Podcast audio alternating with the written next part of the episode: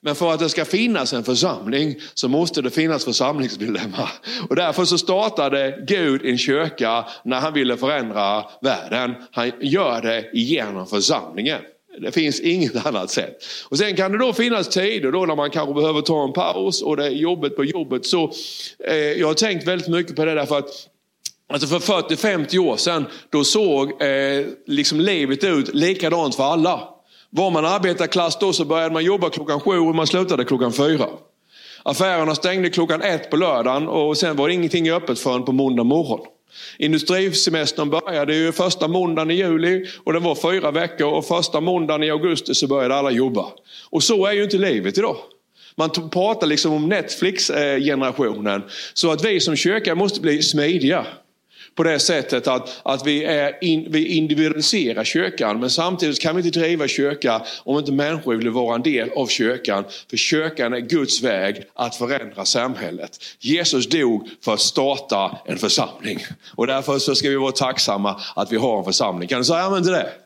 Ja, men sen är det också så här, va, som jag skriver här, va, att all, alla brottas från mm, och till liksom med den här känslan att, att lägga av, att sluta. Och du vet, är du president eller premiärminister, är du kung, är du ledare, är du politiker, är du fotbollsstjärna eller du vet, är du vanlig knegare, lärare eller vem du än är, pastor, präst, fru, man. Alltså, alla funderar ibland på jag lägger av. Alltså, jag, jag slutar nu. Jag, jag lägger mig ner och sen struntar jag i allting. Det här, det här drabbar alla. Och ibland så kanske du tänker att det är bara jag som känner så att ah, nu, nu ger jag upp. Jag, jag slår ner tältpinnarna här i öknen, i landet mittemellan. Jag, jag orkar liksom inte mer. Och så kan alla känna. Men det är, inte, det är aldrig en utväg. Det är en utväg, ibland så måste man vila. Gud han skapade himmel och jord på sju, sex dagar och sen vilade han. Eller hur? Och han hade ingen som applåderade honom utan han applåderade sig själv. Han alltså, sa, det här har du gjort bra sa han. Det var gott. Ibland så behöver vi faktiskt applådera oss själva också när vi har gjort en bra insats. Eller hur? Och sen behöver vi vila. Men vi kan inte lägga av, vi kan inte sluta. Varför kan vi inte sluta? Jag tittar här, nu ska du se. Jag, jag skriver det här. Alltså därför att om du lägger av så har Gud ingenting att arbeta med. Kan du säga det? Om jag lägger av så har ju Gud ingenting att arbeta med. Ja, att känslan finns där, och och, menar under mina år som pastor så har den infunnit sig många gånger. Man får för sig att man ska göra någonting annat. Men du vet att om man gör någonting annat än när man är kallad till att göra, då blir det inte bra. Man kan få för sig det. Birger, han brukar ju, Birger Skoglund, och vän, han brukar ju prata om det. Han har ju fått för sig det många gånger också. Och ett, ett tag då så blev han ju dammsugarförsäljare För, eh, och tills Marianne på något sätt blev tokig på honom så till om nu får du gå ut och börja predika för nu står jag inte ut med dig längre. Alltså man, man har ju, är du, är du med mig? Man har ju den här känslan emellanåt att, att man kanske vill lägga av. Men det är för att man inte ser vad man har. Och samtidigt är ju församlingen det bästa som finns. Mm. Och sen så är det så här, va? ja men vi misslyckas ju mellanåt. Ja visst gör vi det. Vi misslyckas med våra familjer. Ibland så misslyckas man med att vara en bra äkta man. Man misslyckas med att vara pappa eller mamma. Man misslyckas på jobbet. Men du vet att misslyckande är inga problem för Gud. Kan du säga det nu till dig? Misslyckande är inga problem för Gud. Nej, för han kan göra någonting med våra misslyckanden. Hur mycket vi än misslyckas så kan han ändå ta ett misslyckande och göra någonting åt det. Så länge som vi är igång, så länge som vi orkar resa oss igen. Är du med mig? Men om vi däremot lägger av så kan han inte göra någonting. Han kan jobba med ett misslyckande men han kan inte jobba med oss när vi lägger, på något sätt sätter, lägger boken på hyllan och säger nu ger jag upp. Nu stannar jag hemma. Nu bryr jag mig inte. Jag tror på Jesus men jag vill inte vara en del i Guds rike längre. Men, men så länge som vi, vi på något sätt fortsätter så har han någonting att jobba med. Och det är hela tiden utmaningen för församlingen. Det är utmaning för dig och mig som individ och i det liv som vi lever. Att vi får stötta varandra. Ibland när jag kommer hem till Karin så tycker jag det är jobbigt och då får hon uppmuntra mig. Och en annan gång så kommer hon hem och då har hon varit dumma mot henne på jobbet och då får jag uppmuntra henne. Och ibland så när vi kommer till församlingen så ska vi uppmuntra varandra. Det här ska vara en sån plats att här ska man få komma och ha misslyckats. För vi vet att Gud han kan göra någonting av misslyckandet. Det viktigaste är att vi inte lägger av. För då har inte Gud någonting att jobba med. Kan du säga amen till det? Ja, och då, då står det ju så här va. Det är som Jesus han säger. Det kommer att bli som när en man skulle resa utomlands. Och nu talar Jesus lite grann om sig själv. När han skulle på något sätt lämna oss för att gå in i själva himmelen. Han kallade till sig sina tjänare och lämnade sin förmögenhet åt dem. Och sen vet ni vad det står här, de flesta av er. En gav han fem talenter, en annan två och en tredje en talent. Var och en efter hans förmåga. Och sedan så gav han sig iväg. Det märkliga är ju här då att, att Jesus han säger ju ingenting. Han sa inte att jag förväntar mig att du ska göra det, jag förväntar mig att du ska göra det, jag förväntar mig att du ska göra det. Utan alla vi som är här nu, alla vi som tittar. Gud han har ju lagt ner någonting i ditt och mitt liv. Och han förväntar sig att vi ska göra någonting med det. Att vi misslyckas, det är inga problem. Men han förväntar sig att vi ska ta det som vi har fått och då står det också att åt var och en efter hans förmåga. Och det är ju väldigt bra liksom i den Netflix-generation som vi lever i idag. Va? Att vi kan individualisera det här. Åt var och en. Så du ska inte göra det som jag gör och jag ska inte göra det som du gör. Men alla ska göra någonting. Alla har någonting som, är, som investerat i sig ifrån Gud. Och det som Gud har investerat i dig, det vill han att du ska förvalta på ett sådant sätt att det inte bara är, blir det som det är. Utan det ska bli mer av det än det som han investerade i dig. kan du säga amen till det? Kan ni vakna? Slå till din granne och säg nu är det dags att vakna här. Vid. Annars, annars går vi upp här vid på crusade-nivå. Då börjar jag skrika så och driva ut i morgon och så. Det kan vi inte köra så här på morgonen. Men i alla fall, är du här? Jag, ja, säger du att jag är besatt Tommy? Nej, det säger jag inte. Jag bara sa det. Det är ju det som är problemet med predikanter. Bara säger man saker och ting och sen när man kommer hem så funderar man. Varför sa jag det? Jag, jag sa det därför att jag bara sa det.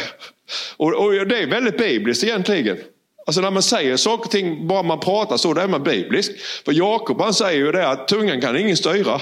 Den bara pladdrar på. Så när man säger saker och ting utan egentligen ha kontroll på vad man säger, då är man biblisk. För det är tungan som eh, pladdrar på. Men den som däremot kan styra sin tunga, säger också Jakob, han kan styra hela sin kropp. Ja, så det är därför som det blir som det är ibland. Jag, jag gömde din talent, säger en av dem då, i jorden. Här har du vad som är ditt. Och Herren svarade, det är Jesus, han är ganska så tuff ibland Jesus. Han är mycket tuffare än vad vi predikanter är. Han säger, du onde och late tjänare. Säger, det var inte snällt sagt. Nej, det tycker inte jag heller. Men det sa han. Du onde och late tjänare. Tänk om man skulle ha sagt det. Du onde och late kristne. Mm. Du du visste att jag skördar där jag inte har sått och samlar in där jag inte har strött ut. Då borde du satt in mina pengar i en bank så jag hade fått igen det som är mitt med ränta när jag kom. Ta därför ifrån honom talenten och ge den åt honom som har tio talenter. Ty var och en som har skall få och det är överflöd. Men den som inget har, honom ska också tas ifrån det som han har. Så, så, så det är det, ser ni det här alltså, att den här killen då, han, han gjorde ju ingenting med det som han hade fått. Han la det på hyllan, han grävde ner det. Och med att han grävde ner det så kunde han ju inte förvalta det. Eller hur? De andra de försökte att göra någonting med det som de hade fått. De misslyckades säkert, de gjorde en hel del fel och några av dem kanske, ja, det kanske blev riktigt, riktigt tokigt. Men så länge som man är i rörelse, om man har Gud med sig, så kan Gud han göra någonting med det som vi gör. Men om vi ingenting gör, om vi inte ens kan gå på gudstjänst, om vi inte lägger vår tionde, om vi inte har en liten, liten hjälptjänst. Ibland kanske ingen, ibland så hjälper vi till lite grann. Va? Ibland så kan det vara så att det räcker att vi är här på söndagarna. Bara det är ju en del av helheten. Att vi umgås och träffas och uppmuntrar varandra, vi fikar tillsammans. Jag tänkte det att vi, vi är ett alternativ i Sölvesborg. Det räcker ju inte egentligen med att ha en gudstjänst. För många människor Alltså, de, de, behöver ett alternativ. De skulle behövt komma liksom klockan nio på morgonen till någonting och klockan sex på någonting. Alltså, vi, vi, är, vi, är inte, vi är inte av den här världen. Vi är ett alternativ till allting annat. Vi är Guds rike på jorden. Och det gäller att förvalta det här. Och nu kommer jag fram till det som jag egentligen ska säga. Titta här nu. Alltså, det, det finns någonting som, som, som infinner sig ofta då. Eh, alltså i hela samhället. Och nu talar jag inte om, om vår församling här, utan här, jag talar generellt. Och det är alltså en, det som jag skulle kalla för, för självgod förnöjsamhet. Och vad är då en självgod förnöjsamhet? Jag läser nu här. Man kan definiera det så här, som att det är en bedräglig känsla av trygghet. Alltså tyst tillfredsställelse, ovetandes om den potentiella faran att något är fel. Och Jesus han undervisar om det här. Det är det som han säger här. va. Om den här eh, killen då, han säger så här, jag river mina logar och bygger större. Och där samlar jag in all min säd och allt mitt goda. Och sedan så vill jag säga till mig själv, kära själ, du har samlat in mycket gott för många år. Ta det nu lugnt, ät, drick och var glad. Men säger Gud till honom, din dåre, säger han. I natt ska din själ utkrävas av dig och vem ska då få vad du har samlat ihop? Så går det för den som samlar skatter åt sig själv men inte är rik för Gud. Alltså så många församlingar, lyssna på mig nu. Man har gjort ett fantastiskt arbete. Man har brutit igenom, man har haft framgång. Och då när man verkligen haft den här framgången så blir man, man, man självgod. Man blir förnöjsam. Och så tänker man att jag behöver inte göra mer. Utan man blir på något sätt stolt över det man har. Och sen tänker man att nu krävs det inte mer förvaltarskap. Förstår ni vad jag talar om då? Alltså, det, det är som, som, när, du, när du på något sätt gifter dig då. Alltså när, när du dejtar då. Du vet franska parfymer, nyklippt och eh, så här. Va? Köper ny, ny skjorta då till varje träff och eh, nyrakad och, och, och alltid glad och positiv. Och, och, sen så när du väl har gift dig då. Men det är ju så att ett bröllop är ju inte ett äktenskap. Utan när, när du väl har, har, har gift dig sen så, så, kan du inte tänka sådär att pff, nu är jag på säkra sidan, nu är jag gift. Nu kan jag bli och vara som jag är på ändå. Utan då, för då får du förvalta äktenskapet. Det är, inte så du kan tänka, nu är vi gifta och vi har lovat oss varandra att vi ska, ja då va, tills döden skiljer oss åt. Så nu kan jag bära mig åt hur jag vill.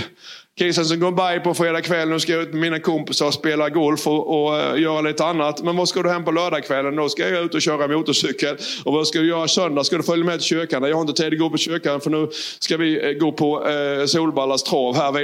Uh, med, alltså, det är ju ändå så va, att, att du måste förvalta och ta hand om det du har fått. Och det här är en del av Jesu undervisning.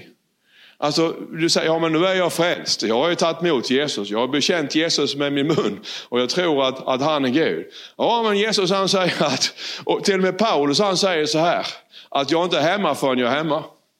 Eller hur? Eh, han säger så här Paulus, inte för att jag redan har nått fram. Inte för att jag redan har det.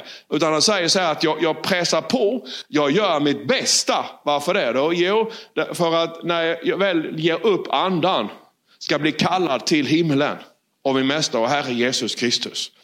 Och, och det, det, är samma sak med församlingarna. Va? Ibland så har man Alltså arbetsinsatsningen och uppoffringen har varit så stor så ibland så blir det kanske lite tufft så här. va. Och många gånger så är det ju att, som vi säger så, att den sista väckelsen är, är den som på något sätt som, som också stelnar av. Därför att man tror att man har det. Och sen så slutar man jobba på det. Och slutar du jobba på det så dör det. Lyssna nu. Den församling som var här som bildades 1944, de byggde ju kyrkan 1964. Och det var en fantastisk insats. Tänk att de byggde den här fastigheten, de betalade den. Många av dem tog egna lån för att de skulle få en kyrka. Det var piga och drängar, fattiga människor, de gjorde allt de kunde för att det skulle bli en kyrka. Men sen när man har lyckats med kanske det omöjliga och Gud verkligen har varit med en. Så kan man ibland, liksom den här självgoda, bedrägliga förnöjsamheten infinna sig. Så man tänker att nu har vi det. Nu behöver jag inte jobba mer på det, för nu sköter det sig själv. Men du vet, hade inte vi, vi andra kommit sen efter då, så jag kommer ihåg nere i köket så låg det en eh, röd linoleummatta. Ja, hade inte vi bytt ut den och tänkt att, att visioner för köket så hade linoleummattan legat kvar där fortfarande. Vi hade haft det här gråa linoleumgolvet här i, i kökssalen. De gamla stolarna. Och allting hade varit som det var då. Orgeln hade stått där, pianot hade stått där, talarstolen hade varit här. För vi hade ju det. Men man kan liksom aldrig, aldrig man, kan, man kan inte vara nöjd. Utan det är så att, att livet förändras alltid. Förstår ni hur jag tänker nu? Det är ju så att jag kan ju inte leva på den konditionen som jag hade för 40 år sedan.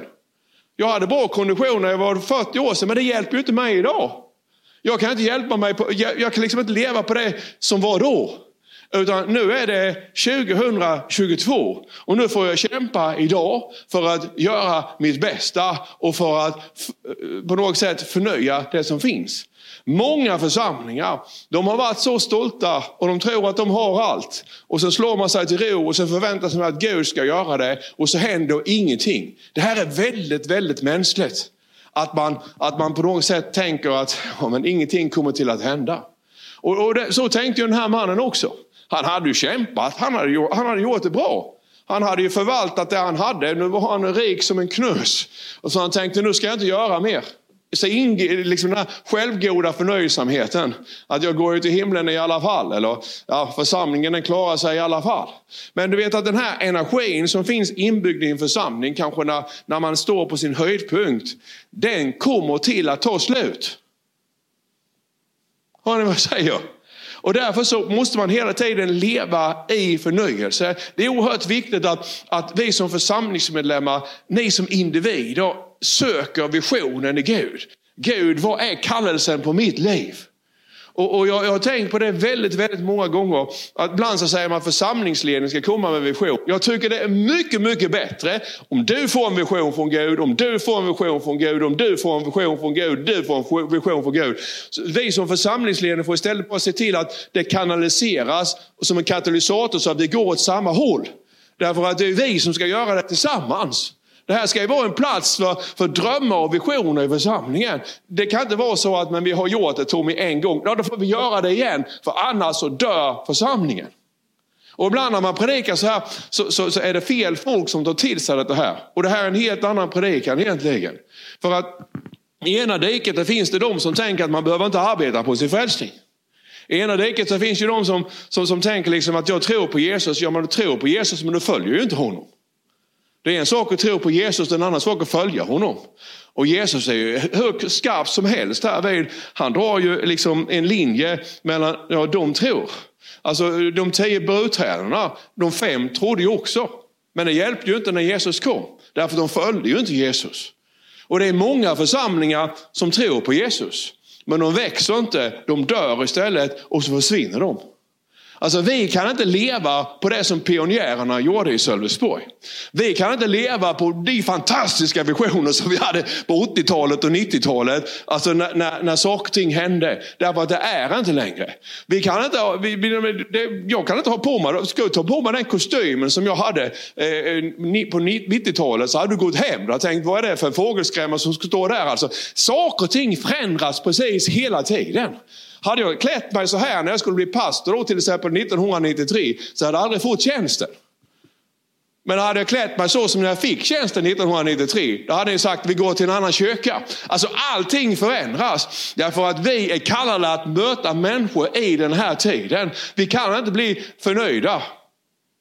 Vi kan inte bara tänka liksom att nu slår jag mig till ro. Jag har tagit emot Jesus. Nu väntar jag 30 år på att Jesus ska kalla hem mig. Därför att Gud fungerar inte på det sättet. Risken är alldeles för stor. Den här förnöjsamheten, den är bedräglig. Så när väl kallelsen kommer så kommer den kanske från ett annat håll istället. Det, det, är alltså det här ena diket. Sen ibland så, jag måste ta med det här också, man har det, det andra diket också. Det är de människor som jag skriver om här, va? Som, som, liksom, som har prestationsångest. Och, och det spelar ingen roll alltså hur bra man presterar, så tycker man ändå inte man har gjort tillräckligt. Du vet att ibland när man talar om att vi ska ge tionde, jag kan ge lite mer. De som redan ger sitt tionde och mer än det, det är de som, som känner störst press på att de inte kan ge ännu mer. Du vet, den här typen av människor som, som på jobbet då när de åker hem på eftermiddagen och så har man gjort mer än alla andra. Ändå så tycker man inte man har gjort tillräckligt. Även om, om alla andra runt omkring där de säger att du är fantastisk så tycker de ändå inte att de är bra nog. Eh, eh, det här är ju då andra sidan. Va? Så, så, att om du är här nu så, så vill jag bara att du ska liksom känna att det är dig som jag pratar med. Det är väldigt tacksamt eh, att vara chef för den typen av medarbetare. Jag känner flera sådana. Va? Alltså de, de, de, när det är problem på jobbet då, och man inte hinner med, då har de ett jättestort samvete. De känner dåligt samvete därför att det är för mycket att göra. Man hinner inte leverera det man ska. Och trots att man då kanske gör mer än alla andra på sin arbetsplats. Trots att man, man, är du med mig? man jobbar mer, man, har, eh, eh, eh, man levererar mer, så tycker man ändå inte att man är bra nog. Trots att man har siffror på det, man har sådär inre prestationsångest. Och, och det är en helt annan predikan att, att bearbeta alltihop det här. För ibland så måste man faktiskt bara säga att jag är bra. Eller hur? Jag talar till er som tänker så nu. Alltså ibland får man faktiskt applådera sig själv. Som jag sa, Gud han applåderade faktiskt sig själv. Han sa, det här var gott.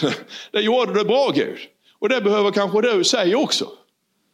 Alltså, Daniel, då, min son, han jobbade ju på VM-data i Bromölla då och han, han kom ju in då. Eh, First line heter det och han var ju överkvalificerad för det egentligen.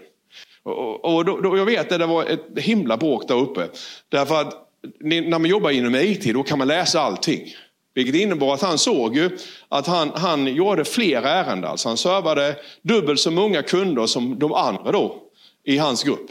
Och sen dessutom då så löste han ju alla dubbelt så många ärenden. Så han gjorde ju liksom lika mycket som fyra, fem av de andra. Så att när det var två timmar eh, kvar på dagen då satt han och läste Aftonbladet, han läste sportsidorna och Expressen och så här. Och då så, liksom, hans chef då, på hans avdelning då menar att man kan ju inte läsa Aftonbladet och Expressen. Och då menar han ju så att det kan jag visst göra för att jag har presterat mer än alla de andra.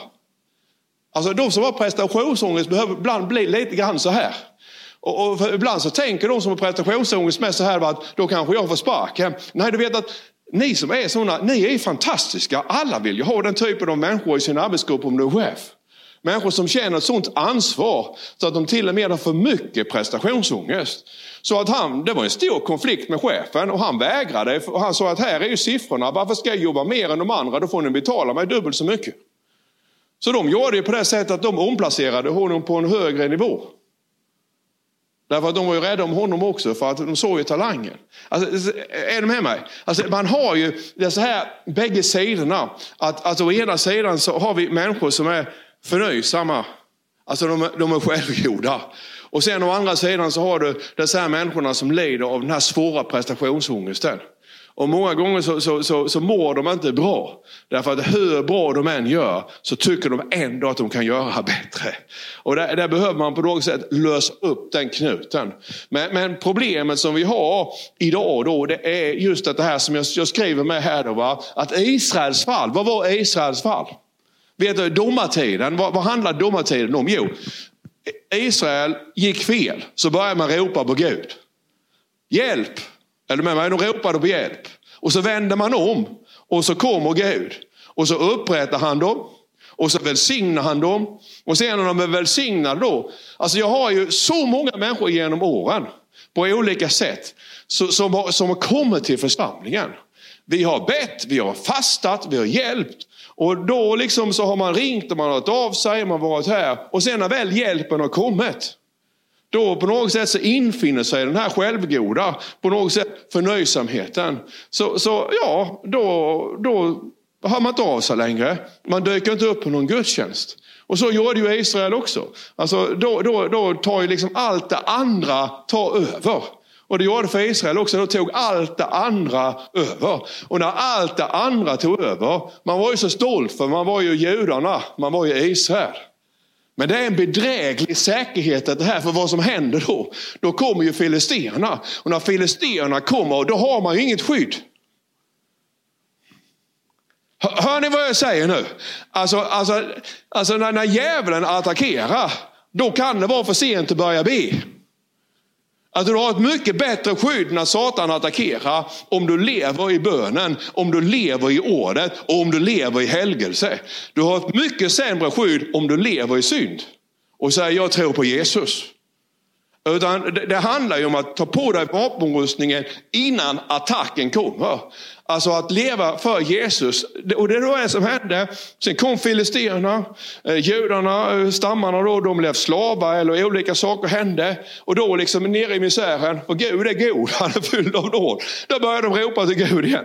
Hjälp, hjälp, hjälp. Och då sände de en domare. Va? Det var ju Simson och, och allt vad det nu hette, Otinell och, och så här. Va? Det kom en domare igen. Va? Sände han en ledare och så upprättade han liksom eh, riket. Man började följa Gud. Man började ropa på Gud. Gud. Halleluja. Är ni med mig? Man, man, man, man lämnade synden och började leva i helgelse. Och då kommer välsignelsen som ett brev på posten. Då kommer bönesvaren och så blir man upprättad. Och när man är upprättad då allting fungerar. Nu är det mat i kylskåpet. Är du med mig? Nu får man löneförhöjning och promotion. Nu är det så att allt är frid och fröjd på julafton. Nu fungerar allting. Det är den ena semestern efter den andra. Och vi kan köpa husbilar och husvagnar och bygga nya hus och, och köpa allt vi behöver.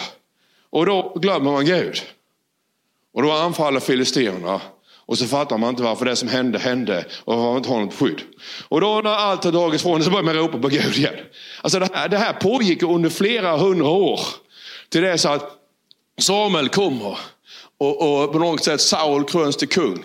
Och sedan så kommer David, så kommer Salomon. Salomon gjorde samma sak. Salomo var ju, han bad om vishet och Gud han tyckte det var fantastiskt. Han välsignade Salomo, det var han som byggde templet. Men du vet när han blev gammal och lite äldre sådär så blev han trygg i alltihop detta här. Och så på något sätt så seglade han iväg från Gud. Alltså han hade ju så många fruar, Salomo, alltså bifruar. Alltså jag funderar ibland på vad han hade med, allting som han skulle göra med dem. Men det är ju en annan, eh, kanske ingen predikan så. Men eh, förstår ni vad jag talar om här? Han hade ju, det var ju hur många bifruar som helst han hade. Och det gjorde ju att i allt det här då så glömde han ju Gud. Alltså riket är förfölj. Och det är ju så väldigt lätt att man hamnar i den här självgoda förnöjsamheten. Och det här är ju så som, som många kyrkor där de har stannat av. Man tror att vi har det. Man tror man är bäst. Men det står i skriften att varje morgon så är nåden ny. Vad innebär det då? Jo, att varje morgon så får vi söka Gud på nytt. Det handlar om att leva Gud alltid. Eller hur? Förstår ni min poäng lite grann här nu? Titta nu här ska du se. Eh, vi är strax klara. Då står det så här, va? att leva med mål och syfte, alltså mål och mening, det är att leva med Jesus. Och, och, och, följ med mig nu, för det här, det här är grundläggande, det här är väldigt enkelt men det är bra. Och då säger Petrus så här, och våra synder, dina synder, eller hur? Våra synder bar han i sin kropp upp på korsets trä. För att vi skulle dö bort från synderna och leva för rättfärdigheten. Och genom hans sår har ni blivit botade. Alltså för att vi ska leva för rättfärdigheten, eller hur? Kan du säga det? Rättfärdigheten. Alltså vi ska leva för rättfärdigheten. Och så står det så här i Efesierbrevet, va? vi har lagt av den gamla människan som går under bedragen av sina begär och ni förnyas nu till ande och sinne. Ni är iklätt er den nya människan som är skapad till likhet med Gud. I sann rättfärdighet och helighet. Alltså, det, det är att, att lägga av sig den gamla människan. Att lägga av sig synden. Att lägga av sig orättfärdigheten. Det är ett val. Kan du säga det? Det är ett val. Ja, och då säger han så här då i Romarbrevet 6.8 att har vi nu dött med Kristus så tror vi också att vi ska leva med honom. Alltså titta nu på mig. Och våra synder bar han upp på korsets trä. Alltså upp på kors. Han, han bar våra synder. Så att han bar dem där. Men för att han ska kunna ta dem så måste du ge honom dem. Och det får du kanske göra varje dag. Alltså, du får ta orättfärdigheten, du får ta synden och lägga den på korset. Mm. Så du säger att jag vill bli botad Tommy. Ja men då får du ta av dig orättfärdigheten. Jag vill bli botad Tommy. Ja då får du lägga av dig synden. Alltså det, det är någonting som man lägger av sig. Och det är det jag menar. Va? Vad han skriver här då att, det är ju att, att vi har dött med Kristus. Alltså vi har blivit begravda med Jesus. Vår gamla människa, har gått, när du går ner i dopgraven så är det din gamla människa som dör. Så då så lägger du av dig den gamla människan för att du ska leva den nya människan. Och den nya människan ska leva tillsammans med Jesus. är ni här idag? Alltså, förstår ni vad jag menar? Alltså, har vi dött med Kristus så har vi dött för att vi nu ska le jag lever tillsammans med Jesus. Alltså jag, jag, jag har, vad, har, har du, vad har du för, för mål i ditt liv? Att leva tillsammans med Jesus. Vad, vad är meningen med ditt liv Tommy? Det är att leva tillsammans med Jesus. Vad vill du göra i din vardag? Jag vill leva tillsammans med Jesus. Vad vill du göra när du somnar? Jag vill leva tillsammans med Jesus. Halleluja! Är du med mig? Varför har vi gudstjänst? För vi vill leva tillsammans med Jesus. Men för att leva tillsammans med Jesus så får du lägga av dig allt det gamla. Och då kommer du in i det som är Jesus. För när du lever med Jesus och när Jesus verkligen trycker på i dig, då vill du inte sluta. När Jesus verkligen trycker på i dig, då söker du ett sätt att förverkliga den visionen och kallelsen som man har på ditt liv. Alltså det, det, det, det, är, det är där någonstans. Många människor vill bli hjälpta, men man vill inte lägga av sig. Är du med mig? Man vill inte lägga av det gamla. Man vill inte lägga av synden. Utan man vill ha både synden och Jesus. Men du kan inte ha både synden och Jesus kvar. Det här är ett val som, som vi måste göra. Jag är jätteledsen. Och vi predikar inte så här idag, utan idag predikar vi mer så här för att vi inte ska tappa ännu mer folk i kyrkan. Och vi säger, lev hör som ni vill. Men om du, kan, om du är som alla andra, vad ska vi då ha kyrkan till? Om kyrkan är som alla andra. Kyrkan är inte som alla andra. Att leva med Jesus innebär inte att vara som alla andra. Utan att leva tillsammans med Jesus, det är ett alternativ till det som finns idag. Alltså vi dör tillsammans med Jesus för att leva med Jesus. Och jag har en sista slide här som förklarar alltihop tror jag. Alltså även om Gud gett dig en bil så måste du tanka den. Kan du säga det? Även om Gud gett mig en bil så måste du tanka den. För många tänker, som jag, det här exemplet som jag hade med liksom när man gifter sig, nu är jag hemma, nu kan jag göra som jag vill. Det är samma sak, nu har du fått en bil från Gud, ja du måste tanka den. Du måste ge den olja, den måste in på service, den måste dammsugas, den måste städas. Och samma sak är det med församlingen. Vi har fått en församling. Ja, men den sköter inte sig själv. Den måste tankas. alltså vi måste, vi måste ta hand om det som vi fått från Gud. Mm. Och ju mer du har, desto mer måste du förvalta. Och ju mer du ger upp, desto mer får du. Jag skulle kunna predika det om en halvtimme till, jag ska inte göra det. Men det är ändå så oerhört viktigt att se det här. Att, att när man ger upp det, det är då som du får det. Du måste verkligen fundera på vad är det som är viktigt i ditt liv? Är det Jesus? Eller är det någonting annat? Därför att det, det, finns en bedräglig säkerhet i det här. Men jag har bekänt Jesus som min frälsare och Herre. Ja, det är möjligt du har gjort. Men, men, men man måste på något sätt se, vad säger Jesus i alltihop det här? Tar vi hand om det som vi har fått? Och, och Det finns många, säger Jesus då, som går liksom den här breda potten. Men den smala potten på något sätt, det är där som man finner livet. Och, och sen är det så här va, att ja, så köpte jag en pryl till och sen så gjorde jag det och sen så köpte jag det och sen så gjorde vi det och sen så engagerade jag mig i det. Och då måste du ta hand om alltihop det här. Och det är det som jag menar som är skillnaden mellan idag och för 50 år sedan. Det är så mycket så, så vi engagerar sig idag och välståndet gör att vi är så mycket som vi får. Så vi hinner på något sätt inte längre ta hand om det som är det viktigaste i livet. Livet tillsammans med Jesus. Därför att smartphones, och tv-program, och satellit-tv och Netflix och alla andra saker totalt äter upp oss. Och så tänker man, jag är frälst ändå, va? jag har ju tagit emot Jesus. Och menar, det finns ju en församling i Sölvesborg. Ja, det finns ju så länge som det finns församlingsmedlemmar. Eller hur? Det, det, här, det, här, det här är jätte, jätteviktigt. Att man vakar över sig själv. Vi hade ju på det här sättet under pandemin då så vi fick ju en båt. Det var ju så. Och det var ju fantastiskt. Jag har aldrig haft båt tidigare. Jag har berättat lite grann om det. Alltså nio meter lång. Den var stor och dyr. Och det var en sak att lägga ut från hamnen, det var en annan sak att komma in. Och, och, helt plötsligt då, vi hade bett om det här och jag upplevde faktiskt Gud, han sa alltså, köp vem du vill. Och när vi la, till nere i Valjeviken och dök in från för, dök ner liksom i Valjeviken från fören då. Och så simmade jag då och så såg jag båten från sidan. Den stora vita båten, den såg ut som Titanic, den såg gigantisk ut. Så tänkte jag, är det här min båt alltså? Simmade och sen gick jag upp på bryggan där va, på baksidan. Sen kunde vi ligga där och sola och ta en kopp kaffe. Så kunde man ta ett dopp till va. Det var ju fantastiskt. Men det var ju under pandemin. Och sen, sen i september och då så bara infann sig den här känslan, liksom sälj båten. Sälj båten, sälj båten nu.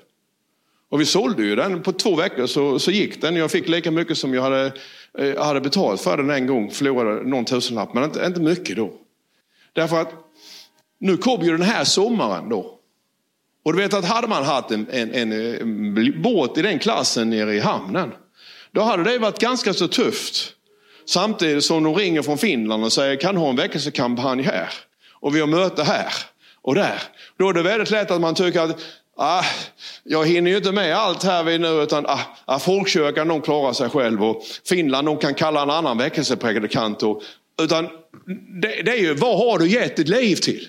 Alltså, jag, jag, Gud har inte kallat mig för att jag ska åka båt. Gud har kallat mig för att jag ska tjäna Jesus. Jag vet inte vad han kallar dig till. Men det är olika saker. Nu är jag heltidsanställd så det är en annan sak. Är du med mig? Är det så att man, man jobbar på fabrik hela året så kanske man kan behöva en segelbåt eller en sommarstuga vet där man bara kopplar av. Det, här, det är olika saker. Men var och en av oss måste ändå gå inför Gud och säga så här. Va? Vad, är, vad är kallelsen? För ibland när man tittar ut i Sverige då, så känns det som att Gud har kallat alla människor till att, till att använda Gud för att tjäna mammon. Men det är inte det som vi är kallade till. Utan vi är kallade till att tjäna Jesus först och främst. Och sen kommer resten. Halleluja. Jag tycker inte att det är fel att köpa motorcykel eller någonting sånt. Det är inte det jag menar. Utan det är bara liksom att man sätter Gud först. Sen får de andra sakerna komma sen. För det är det som Jesus han säger. va. Du var och en som har skall få och det är ju överflöd. Men den som inget har från honom ska tas också det han har. När man sätter Jesus först, då får man allt andra också. Men då har man hela tiden Jesus i första rummet och sen löser sig resten. Amen. Halleluja. Så det, det här idag är en oerhört allvarlig predikan. När, när jag var ung så gick jag inte frikyrkan, men vi hade ju Frälsningsarmén. Vi hade baptisterna, eller hur? Missionsförbundet, EFS här i Sölvesborg. Och idag då så är ingenting av det kvar. De tyckte på ett sätt lite grann då att de var bäst. De kunde ju det här.